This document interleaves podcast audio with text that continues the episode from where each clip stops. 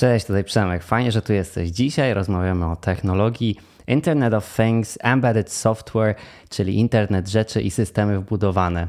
Czym są, jakie znajdują zastosowania w praktyce, czym się różnią. O wszystkim Ci dzisiaj opowiem. Zapraszam.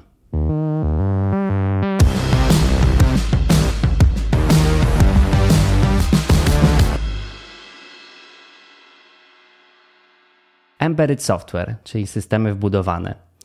Można powiedzieć, że dzisiaj praktycznie każde urządzenie elektroniczne ma w sobie jakiś kawałek oprogramowania. To wszystko za sprawą tego, że w takich urządzeniach mamy do dyspozycji układy scalone, mikrokontrolery, mikroprocesory, które możemy programować.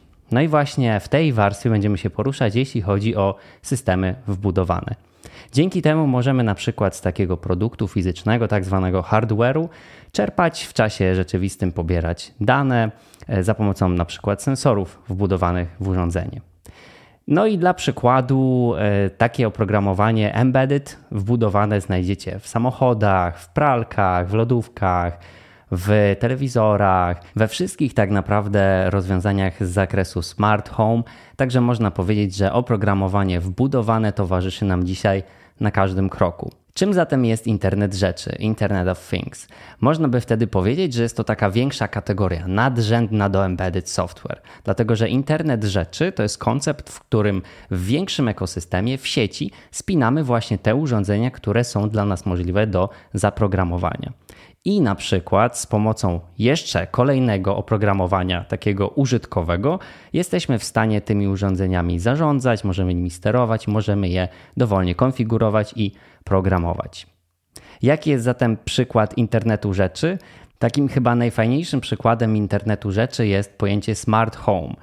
W nowoczesnym domu możemy dzisiaj zaprogramować scenariusze tak, żeby od poniedziałku do piątku o 6 rano podniosły nam się zewnętrzne rolety, włączył się ekspres, uruchomiła się ulubiona stacja radiowa w zintegrowanym systemie audio jeszcze włączył się odkurzacz o 8.